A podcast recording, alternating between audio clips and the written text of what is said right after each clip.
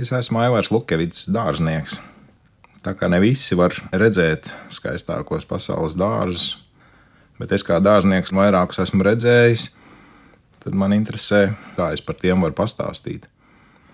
Vai zināt, kas ir Alberta Kāna planētas arhīvs?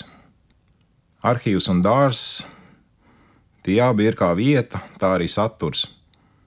Vēlos, lai zinātu par Albertu Kānu un viņa pasaules arhīvu, un par dārzu, kas tēlēni izstāsta dzīvi un laikmetu. Alberts Kāns piedzima 1860. gadā Elzasā, Francijā. Bērnībā puika skarbā franču prūšu kara laikā piedzīvoja dzimtā ciema un plašu novadu okupāciju un tūkstošiem francūžu došanos bēgļu gaitās. Zaudējis savus vecākus, Alberts Kāns devās uz Parīzi, kur viņam paveicās labi izskoloties tirgzinībās.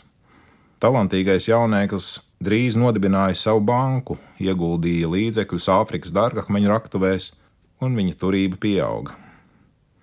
Atšķirībā no citiem banķieriem, Albertam Kānam bija ideālistiskas un utopiskas vīzijas par to, kā viņš izmantos savu naudu. Pateicoties skaudrējai bērnības pieredzei un labai izglītībai, Alberts Kāns apzinājās, kā modernā pasaule līdz ar industriālo revolūciju ļoti strauji mainās. Viņš vēlējās saglabāt atmiņas par pasauli, par pasauli, kāda tā tobrīd bija. Tāpēc 1912. gadā Alberts Kāns uzsāka vērienīgu projektu un to nosauca par planētas arhīvu. 20 gadus tika sūtīti profesionāli fotogrāfi uz vairāk kā 50 zemēm, lai fiksētu ikdienišķu sadzīvi. Krāsaina autochroma attēli veidoja izsmeļošu vizuālu apskatu par mazajām pamat iedzīvotāju kultūrām, kas pastāv uz Zemes pirms to neizbēgamas izzušanas. Kāns ticēja, ka mieru starp tautām var panākt ar labāku izpratni starp cilvēkiem no dažādām kultūrām. Diskusijām tika izveidota starptautiska biedrība apkārt pasaulē, kas regulāri tikās Alberta Kāna dārzā neformālās pusdienās. Einsteins, Tagore, Kiplings, Rodēns, Marija Kirī 1931. gadā biedrību veidoja 186 pasaules intelektuāļi, rīkoja filmu un autochromu publiskos seansus.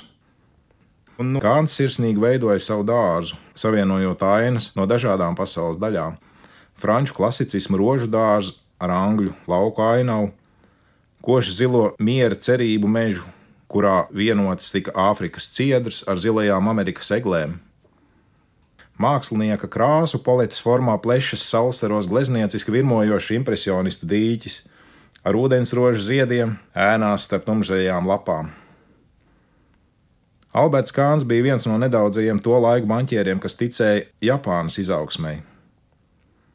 Pateicībā par ieguldīto imperators sūtīja divus dārzniekus, un Alberta Kāna dārzā radās Eiropā pirmais Japāņu veidotais dārzs. Ar tādu pašu rūpību Kāns dārzā uzbūra savu bērnības vietu atmiņu ainavu Vogēzu mežu. Šī ir senākā vesela meža biotopa pārcelšana. No 400 km tālajiem kalniem tika vesti klinšu bluķi, milzīgas balteglas un dišskabāžas, kur uzmanīgā ieslidināšana apjomīgajās bedrēs skatāma senākajā lielo koku pārstādīšanas kinohronikā. Taču ieceres pārtrauca 1929. gada finanšu krīze un Alberta Kāna bankrots īpašums izpārdeva. Arhīvi iegādājās Parīzes buloņas pašvaldība, ļaujot Albertam Kānam savā mājā dzīvot līdz pat viņa mūža galam, kad piecus mēnešus vācieši jau bija okupējuši Parīzi.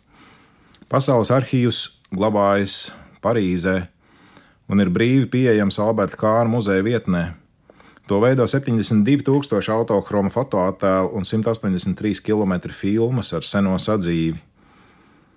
Ilgstoši Alberta Kāna dārzs netika kopts un bija pamests novārtā.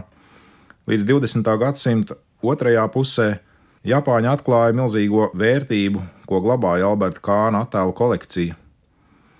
Sen zudušus Japānas skatus, un Japāņu meistars Takano veltīja laikmetīgu dārzu, atainojot Alberta Kāna dzīvi. No oļu piramīdas izplūst ūdens, parādot Kāna piedzimšanu Strauta ūdeņa laužas pakmeņainu ūdens zāļu gultni, attēlojot grūto bērnību. Tālāk strauts ietek plašos, mierīgos ūdeņos, ko ietver ziedoši rododendri, simbolizējot viņa labklājības laikus. Taču tad ūdeņi sasniedz skarbus klīns bluķus, kuriem nu jālaužas cauri. tā ir finanšu krīze un bankrots. Viens sarkans arkveida tiltiņš ved krācēm pāri uz cerību netveramās pasaules ziedošo ķiršu nogāzi.